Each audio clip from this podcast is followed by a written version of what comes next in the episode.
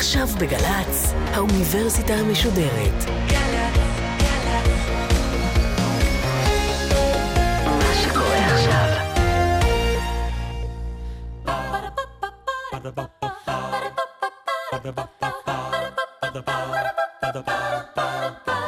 האוניברסיטה המשודרת מציגה מבוא ל עם קובי מידן, והסמסטר טקסטים מכוננים של הישראליות. והפעם שיחה עם הפרופסור אבנר הולצמן מאוניברסיטת תל אביב על החיים כמשל, מאת פנחס שדה. עורכת ראשית, מאיה גאייר. שלום לכם. הספר שבו נעסוק היום, החיים כמשל מאת פנחס שדה, ראה אור לראשונה ב-1958, שנת העשור למדינה. הוא הופיע בהוצאה קטנה, לא כל כך מוכרת, אחרי שמרבית ההוצאות המכובדות, הגדולות, דחו אותו. גם הקהל לא גילה אותו במהירות, עד שכמה שנים אחר כך הוא אומץ על ידי הוצאת שוקן, וקנה לו עם השנים מעמד מיוחד, הייתי אומר, מעמד יחיד במינו. הנה שורות הפתיחה של החיים כמשל. יום חולף, והלילה, כמו יעקב האוחז בעקב עשיו, בא. גם הלילה חולף. בא יום, יום ולילה, לילה ויום. ואני שומע את שתיקת האדמה. אני פוסע ברחובות ההולכים ומתרוקנים. אני פוסע לאט כי שתיקת האדמה מבעיטה אותי, וכמו יוצקת עופרת לתוך כפות רגליי. והיא מושכת אותי מטה-מטה. מי יוכל להבין איזה מגור כמוס בהווייתה של האדמה רחבת הידיים? הכבירה, הכבדה, האטומה, הלילית, השתקנית, האדמה שהולכים עליה. אני הולך ושומע את שתיקת האדמה, וגם איזה קולות אנוש אני שומע על סביבי. אך יודע אני כי הם מקריים בלבד. הלא אין להם ישות אמיתית. אני פוסע ברחובות הליליים לאט-לאט, ידיי בכיסאי ומעילי רכוס היטב. זו הפתיחה המבטיחה ומקיימת של uh, החיים כמשל של פנחס שדה. פרופסור אבנר הולצמן איש אוניברסיטת תל אביב, מבכירי חוקרי הספרות בארץ, חיבר וערך עשרות ספרים, מאות מאמרים. תחום עיסוקו המרכזי, הספרות העברית של הדורות האחרונים. פרופסור אבנר הולצמן, שלום לך. שלום, שלום. אז שמענו את שורות הפתיחה. אני רוצה לפתיחת המפגש שלנו לנסות להבין באמצעותך את החלל הספרותי וההיסטורי, את ההקשר שאליו פורצות השורות הללו. בעצם החיים כמשל אה, נולד פעמיים, אה, הוא הופיע בשתי הוצאות שונות בהפרש של עשר שנים, אבל גם הוא, הוא הוטל לתוך שני הקשרים שונים שצריך להבחין ביניהם. אה, לראשונה הוא אכן הופיע בסוף 1958, בתוך מהומת החגיגות והשמחה של שנת העשור למדינת ישראל. זאת הייתה תקופה מצד אחד של סיכומים.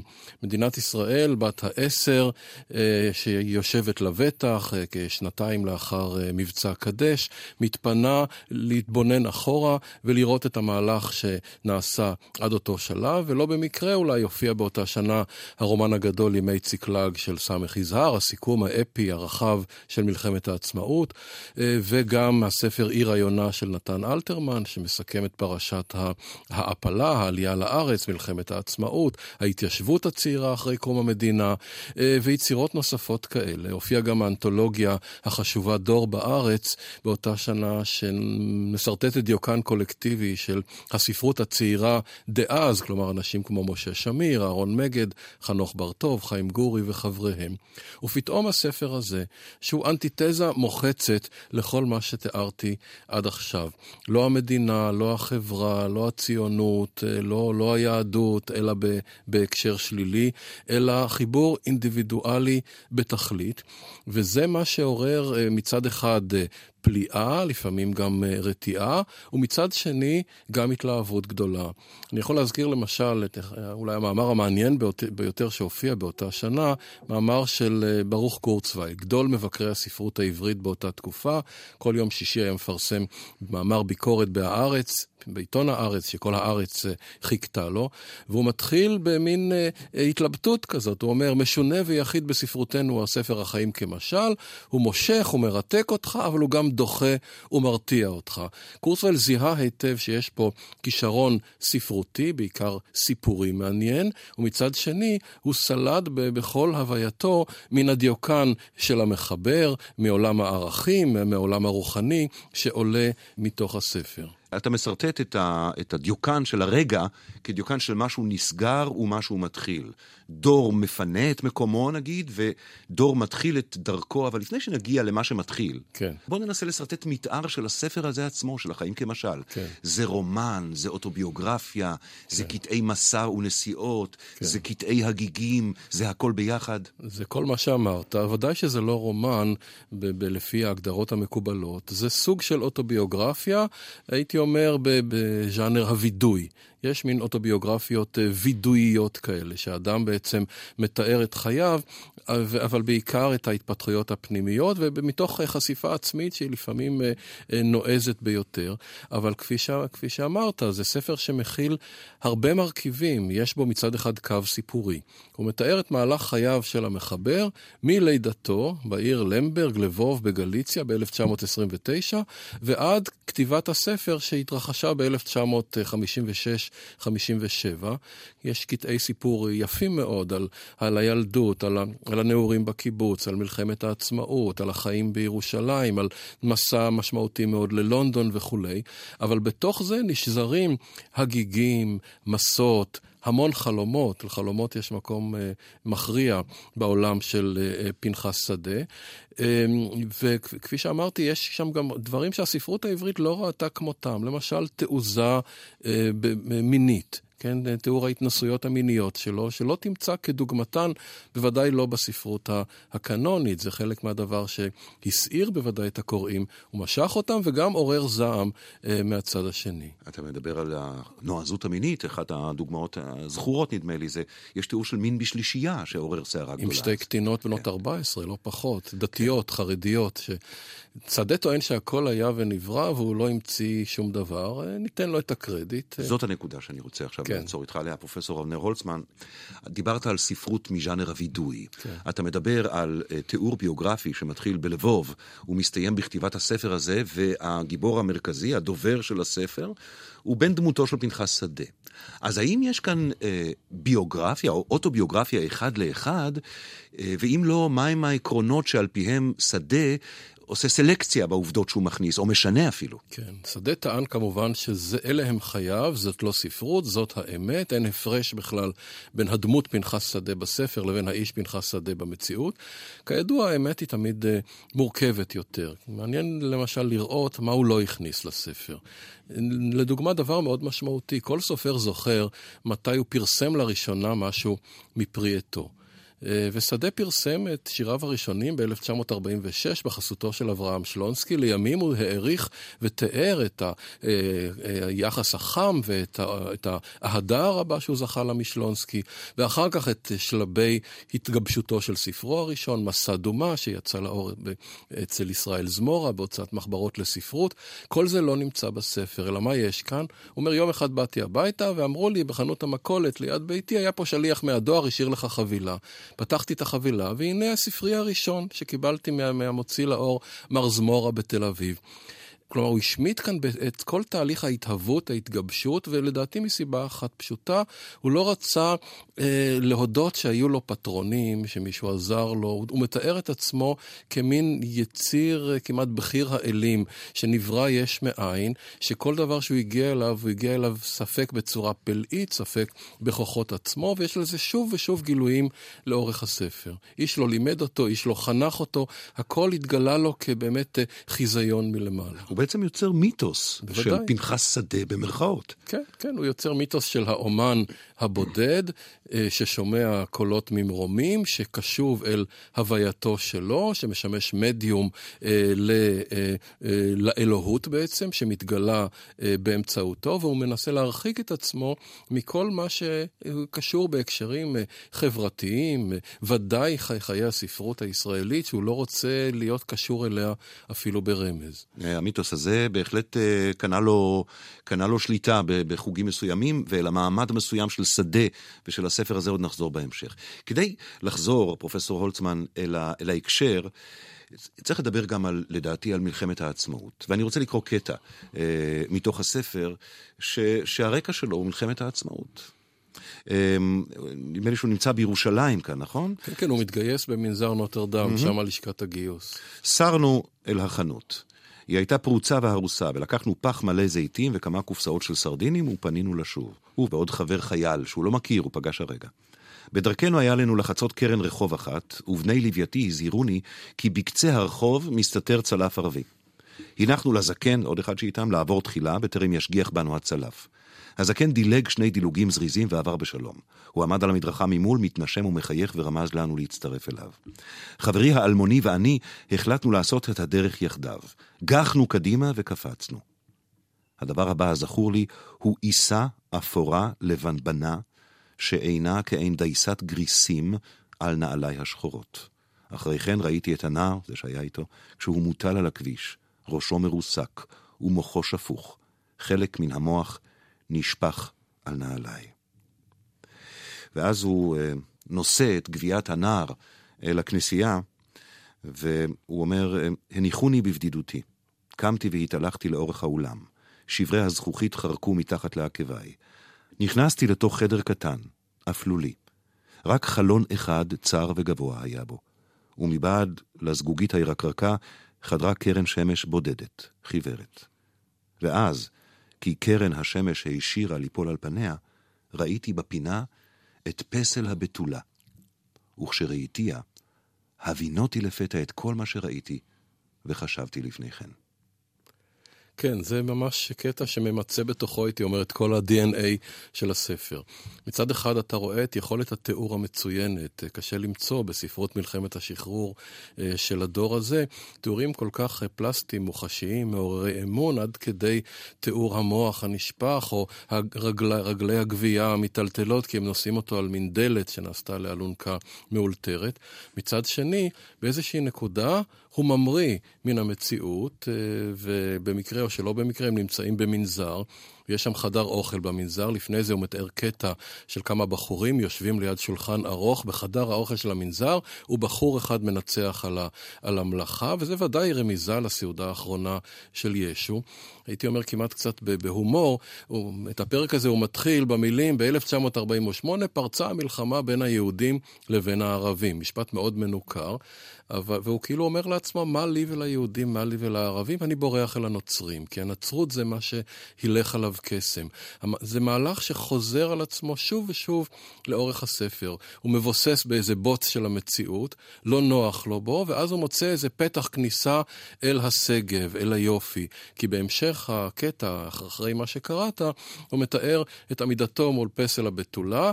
איך הוא אומר? הרהרתי בשחרורה המאושר של הרוח מתוך הקיום החומרי, ובו במקום אה, הוא כותב שיר שמתחיל במילים, כפות רגלייך לבנות כשושנים של מוות. אה, כלומר, הברית החדשה הקסימה אותו אה, מנעוריו, אה, וההמראה היא המראה מאוד טיפוסית, הלאה מכאן, הלאה מן הכאן והעכשיו, העכור, המלוכלך, הקונקרטי. המשיכה אל הנצרות והכתיבה, אנחנו ב-1956-7 כשהוא כותב. כן. זה גם דבר מהפכני לשעתו בספרות ישראלית. כן, אמנם יש מסורת די ארוכה של התעמתות עם הנצרות, היקסמות מן הנצרות, אפשר ללכת אחורה לאורי צבי גרינברג, כן, שכתב אה, פואמות אדירות על ישו כבר בשנות ה-20, יש לזה מסורת, אבל בהקשר הישראלי, שהוא הקשר מאוד אה, חילוני וקונקרטי, ואנחנו נמצאים גם אחרי מלחמת העולם השנייה וכולי, אה, היה בזה דבר ככה קצת מרגיז, קצת מתריס מול עולם הערכים של אז. אבל זה לא רק הנצרות, כל העולם האסתטי, הספרותי, האומנותי, ששדה משרטט כאן, כולו מורכב ממודלים רחוקים מכאן. אני חושב ששני הסופרים היחידים שהוא נותן להם ציון לשבח זה ברנר וברדיצ'בסקי, שאליהם הוא היה קשור מראשית ו- ועד אחרית. אבל כל השמות שאתה שומע כאן בספר, הלדרלין וניטשה וקנוט המסון והרמן הסה, לא היו שמות אה, ככה עוברים לסוחר בתרבות הישראלית אה, דאז, זה גם חלק מהקסם שהספר הזה עורר. וכאמור, הרקע של הסיטואציה שקראתי עוד תיאורה הוא מלחמת העצמאות. והמלחמה הזאת, נדמה לי, מאירה משהו מעניין בהקשר הביוגרפי של פנחס שדה. מצד אחד, מבחינת גילו, הוא היה אמור להיות שייך לדור הקודם, שאותו תיארת קודם, כלומר, משה שמיר כן, ואחרים, כן? כן. אה, אהרון מגד. אנשים שלחמו במלחמת העצמאות. כן. גם הוא עצמו אה, לחם כן. במלחמת העצמאות. אבל מצד המאפיינים שלו, הוא כבר שייך לדור הבא. כן, הוא היה מתנגד בתוקף למה שאמרת עכשיו, כי הוא לא שייך את עצמו לשום דור. הוא שפעם שאלו אותו פעם, מה הדור שלך? הוא אומר, הדור שלי זה באך, זה ברמברנד, זה בטהובן, זה ואן גוך, אלה האנשים שאני משוחח איתם. אגב, אותו דבר אמר ס. יזהר, כמעט במילים האלה, שמאוד לא היה נוח לו להיות משוייך לאיזה משבצת כזאת אה, של דור. פעם שדה אמר, אומרים שעשיתי מהפכה בספרות העברית, מה זה מעניין אותי בכלל? מהפכה? כאילו להפוך בלטה מצד אחד לצד שני? לא, לא אלה הדברים אה, שמעסיקים אותי. אבל אתה צודק, במובן מהותי, הוא הוא כבר מתחבר לרגישויות של הדור הבא. לא במקרה הסופרים שהושפעו ממנו וגם הודו בכך, זה אנשים כמו עמליה כהנא כרמון, כמו יצחק אורפז, אפילו א' ב' יהושע שכתב הספד מאוד נרגש ומאוד מעניין עם מותו אה, של שדה, אנשים שכבר חרגו מן הריאליזם הקונקרטי החברתי אל יסודות של הפשטה וגם אל תרבויות אחרות. אז אלו מאפיינים של הדור החדש, כן. שהדור שיגיע לפריחתו בשנות ה-60 כן. בספרות הישראלית, אלו מאפיינים אנחנו יכולים למצוא בחיים כמשל, ככה באופן מובהק. למשל, התעתוע הזה בין מציאות לבין פנטזיה. הרי פרקים שלמים בספר הזה הם פרקי חלום, שמתנהלים על פי חוקיות של חלום. ותמצא כדוגמתם אצל הסופרים הסוריאליסטים, הפוסט-ריאליסטים של אה, סוף שנות החמישים, אה, תחילת שנות השישים. גם א' ב' יהושע המוקדם, עמוס כן, עוז המוקדם, הם, הם, הם במקום הזה. כן, כן, ההיקסמות האסתטית, המשיכה אל הנצרות, עמליה כהנא כרמון, שהודתה ביומניה בהשפעה העצומה של החיים כמשל על כתיבתה. אלה האנשים שקלטו את הספרות אה, הזאת, וסופרים מבוגרים יותר, הוא כבר היה באמת מחוץ לטווח. נוכח הרגישויות שלהם. אבל אני רוצה לומר משהו גם על, ה, על ההתקבלות השנייה של הספר. כמו שציינת, ב-1968 הספר הזה אומץ על ידי הוצאת שוקן. 1968 זה כבר הקשר אחר לגמרי.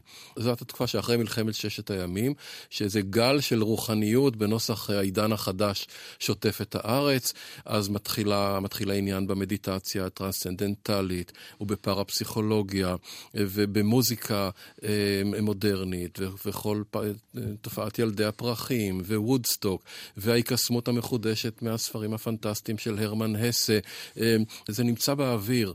אה, מהבחינה הזאת, אה, אולי אה, החיים כמשל המריא שוב, או מצא את אה, הקוראים הרבים שלו, דווקא בהתגלות השנייה הזאת, ואז גם שדה נהפך למין, למין גורו, אפשר לומר, לדמות שמשמשת כתובת להמון צעירים שמחפשים חיפושים רוחניים.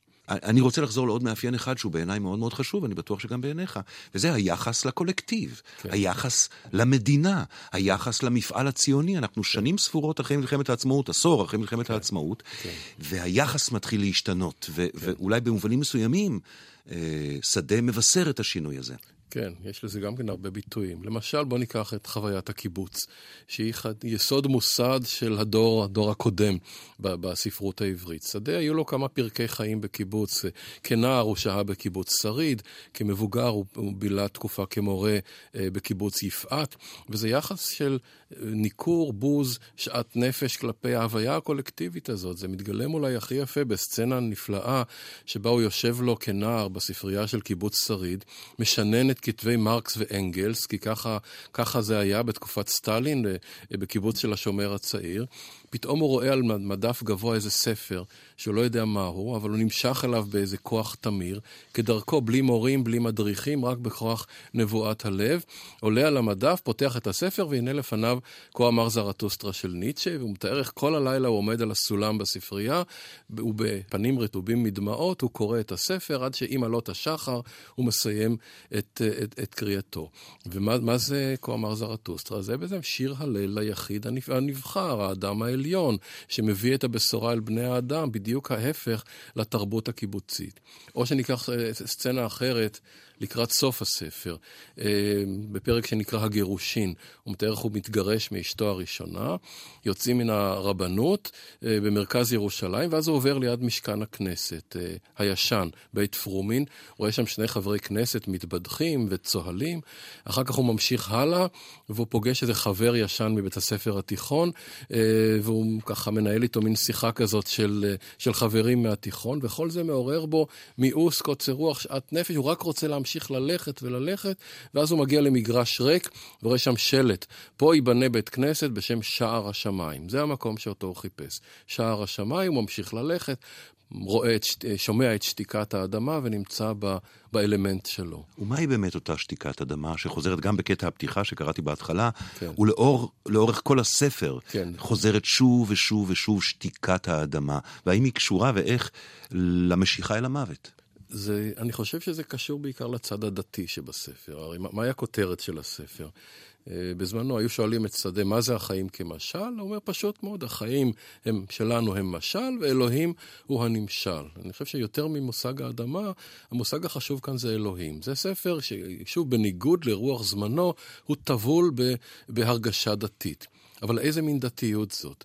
זאת לא היהדות. יש כאן שני עמודים מאוד חריפים בספר, שגם עוררו עליו זעם רב נגד היהדות, שהוא רואה בה בכלל דת לא רוחנית ולא, לא, אה, ולא נשגבת.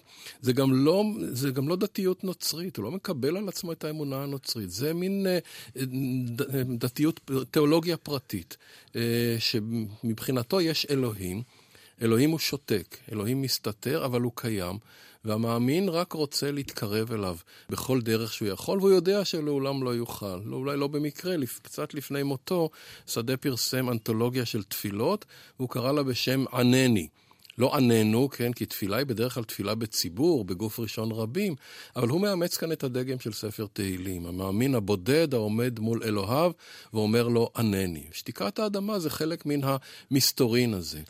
זה אכן אה, אה, פיתול מעניין בעלילה, לקראת סוף חייו, ההתקרבות שלו המחודשת ליהדות, בעיקר אחרי שהוא חלה, אבל לא רק, עוד לפני מחלתו שבה הוא מת. כן. אה, אני רוצה לדבר רגע על המעמד שלו בשני מובנים, על המעמד של פנחס שדה. מבחינת ההשפעה שלו על הספרות העברית, מצד אחד, ומצד שני, רמזת על זה קודם, מעמד ה... המעמד האישי שלו כמעין מיתוס או כמעין כן. גורו. בואו נתחיל בספרות העברית. האם העובדה שיש לו מעמד יוצא, יוצא דופן, כמו שאמרנו כבר קודם, גורמת לזה גם שהוא נשאר קצת בצד, מחוץ לדרך המלך של הרומן העברי, של הסיפור העברי, של הספרות העברית? כן, בתיאורים היסטוריים של תולדות הספרות הישראלית, הסיפורת הישראלית, לא תמצא אותו. כן, המקור הסמכותי ביותר, סדרת הכרכים של גרשון שקד על הסיפורת העברית, הוא פותר אותו בכמה משפטי זלזול, קורא לזה רומן התבגרות למתבגרים אה, וכולי. ההשפעה שלו הייתה סמויה מן העין. הזכרתי כמה אנשים שהושפעו ממנו. שקד עצמו טוען למשל ששדה השפיע עמוקות על יורם קניוק. אי אפשר להבין את האקספרסיוניזם של קניוק, את האינדיבידואליות שלו, שגם הוא מין דמות חריגה בתוך דור תש"ח, אה, בלי החיים כמשל. הזכרתי את עמליה כהנא כרמון, את יצחק אור פז, הייתי אומר, אחד-אחד ובאין רואה אנשים מושפעים ממנו. אה, בשירה קשה לי למצוא איזה עקבות השפעה אה, ברורים שלו, למרות שכמשורר, הוא יכול להיות שאפילו עולה על הישגיו כ- כמספר. הוא יותר מין תופעה תרבותית. וגם עמיתיך באקדמיה לא ירבו כן. לעסוק בו, לא, יר, לא ירבו אה, לחקור אותו, לפרסם כן. עליו. ומצד שני, כפי שאמרת לי לפני שהתחלנו להקליט את השיחה הזאת, הוא הספר היחיד בן תקופתו שעדיין נמכר. נכון. תרחיב קצת גם על המעמד, ה... דיברת כן. על מעמד הגורו כן. של, של פנחס שדה, שגם הוביל לכמה וכמה שערוריות. כן, טוב, קודם כל באמת מבחינת הכתיבה עליו יש תופעה מעניינת. יש אני חושב רק ספר אקדמי אחד עליו שכתב צבי לוז מאוניברסיטת בר אילן, שמתמקד בשירתו, אבל יותר מעניין את זה, הייתי אומר, הספרות החיצונית סביב שדה. שוב מונח נוצרי קצת, אה, משום שיש כמה ספרי ראיונות איתו, שפרסם יוסף מונדי, פרסם יותם ראובני, אה, פרסם אהוד בן עזר, מין ממואר כזה, זה, זה אוסף של זיכרונות על שדה. יש ספר של משה גנן, שהוא משורר ירושלמי, מעריץ של שדה. כלומר, דברים, הייתי אומר, מן השוליים. אין מחקר ספרות מסודר על שדה, ואני חושב שהוא גם לא, לא, לא כל כך היה שואף להיות מושא למחקר. הבוז שלו לאקדמיה משתווה רק לבוז שלו לעיתונות ולעיתונאים. כן? הוא ראה באנשי האקדמיה המעטים שהתייחסו לכתביו, הוא, הוא גידף אותם בצורות החריפות ביותר, גם המשעשעות ביותר. מצד אחר, אה, ככל שהוא התקיים בשולי חיי הספרות, אה, אה, היה סביבו כל הזמן רחש, כן? עד היום, הנה ראיתי לפני שנתיים, עשו עליו סרט בסדרת המקוללים של, של חגי לוי, הוא דמות נוכחת, אולי קצת כמו יונה וולך, אה, אה, שחייה שזורים אה, ביצירתה. עובדה מעניינת למשל, שא' ב' יהושע סיפר שהוא מעולם לא פגש אותו פנים אל פנים, וזה מאוד, מאוד הטמיע אותי. במקום כל כך קטן כמו שלנו, שכולם מתחככים בכולם, 40 שנה הם פעלו בתוך אותו מרחב ספרותי, ומעולם לא נפגשו. שדה הרחיק את עצמו מן ההקשרים אה, האלה, אבל באמת אה, הוא נעשה כתובת לגברים, נערים, נשים, נערות, והיו סקנדלים, כמו, אה, כמו שאתה יודע. היו נשים שהיו קשורות איתו ואחר כך התאבדו, והוא ספק קשר את עצמו, ספק לא, לא קשר את עצמו להתאבדויות האלה. הייתה שערורייה של חבצלת חבשוש, ששדה עודד אותה לפרסם את מכתבי האהבה אה, אליו, וזה עורר סקנדל גדול בתחילת אה, שנות ה-70. אה, גם מותו במידה מסוימת היה אירוע מתוקשר, משום שהוא חשף את מחלתו, את מחלת הסרטן שלו. בריאיון עם, עם ירון לונדון בטלוויזיה כשנה לפני מותו, ואז uh, התחיל, התחיל עיסוק מאוד אינטנסיבי ביצירתו uh, וכולי. זוכר שיר שהוא פרסם אז, שמצמרר אותי עד היום כשאני נזכר בו, אני לא כן. יכול לצטט אותו מהזיכרון, בטח כפי שאתה יכול. כן. בבקשה. זה השיר בעצם האחרון שהוא כתב. הכותרת של השיר זה עם קבלת תוצאות בדיקת הריאה ב-CT. בכל השיר זה שתי, שתי שורות. אני שוכב על המיטה, מכווץ כמו חיה קטנה, אינני יכול עוד לכתוב שירים. בהקשר הזה גם צריך לציין שלפני כשנתיים או שלוש, משהו כזה, פורסמו היומנים שלו על ידי אילת נגב ויהודה קורן, שזה מסמך אה, מרתק לכל מי שרוצה להכיר את שדה וגם שובר את הלב, משום שחלקו הגדול של היומן ממוקד בתקופת מחלתו. בחמישה עשר החודשים האחרונים של חייו, שבהם אה, בעצם הרפואה לא יכלה להציע לו שום דבר, אז הוא הלך ל, ל, ל, לרבנים ולמכשפים ולכל מיני רועי נסתרות שמשכו אותו בכל מיני הבטחות שווא, עד יומיים לפני מותו.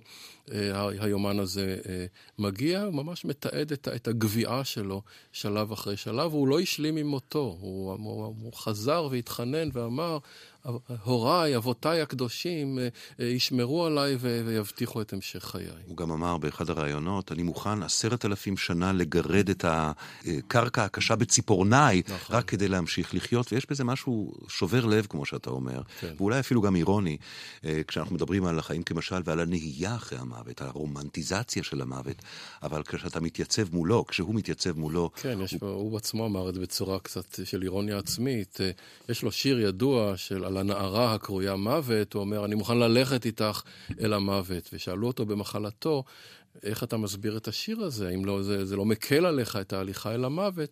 אז הוא אומר, יש הבדל בין שיר שאתה כותב לפני קבלת תוצאת בדיקת הרנטגן לבין שיר שאתה כותב לאחר מכן. אני רוצה לסיים אה, עם עוד שורות אה, מתוך הספר הזה, שבהם הוא מדבר על הספר עצמו. כן. אם ספר זה יופיע אי פעם בדפוס, אבקש מאת הקורא, אשר איני יודע מי יהיה והיכן ואימתי יחיה, כי יאמר לעצמו, ספר זה נכתב בעת החושך. מחברו של ספר זה חי בין אנשים, אשר כל מה שנחשב בעיניו כעורק הלב של החיים, היה מוזר וזר בעיניהם. לגביהם היו חוכמת החיים והמוסר החברתי הדבר העליון, ובאופן כזה לא היו מסוגלים להשיג אלא את הבינוני, ובשום פנים לא את המוחלט, לא את הגדול, לא את הנלהב. העיקר בעיניהם היה להתקיים קיום חומרי, סתמי, ציני. העיקר בעיניהם היה להיות איבר מן הגוף הגזעי, המדיני. ובאופן כזה לא היו מסוגלים להבין מה זו באמת אהבה, מה זו בדידות, מה זו שירה, מה זו גאוניות, מה הם טומאה וטוהר, מה זה קיום לפני אלוהים, מה זה אלוהים. הם היו יושבי חושך, שכחי אלוהים, וזה כלל לא היה אכפת להם, מכיוון שהיו להם תיאטרונים, אנציקלופדיות ומרסקי גזר. הם דימו לדעת את כל התשובות, ולא הבינו שאין להם שום מושג, אפילו על השאלות. כן, זה שדה הרואה את עצמו כנביא, כשליח, כמביא בשורה לאנושות, הוא בטוח שבשורתו תישמע. החיים כמשל, פנחס שדה, פרופסור אבנר הולצמן, תודה רבה לך. תודה רבה לך.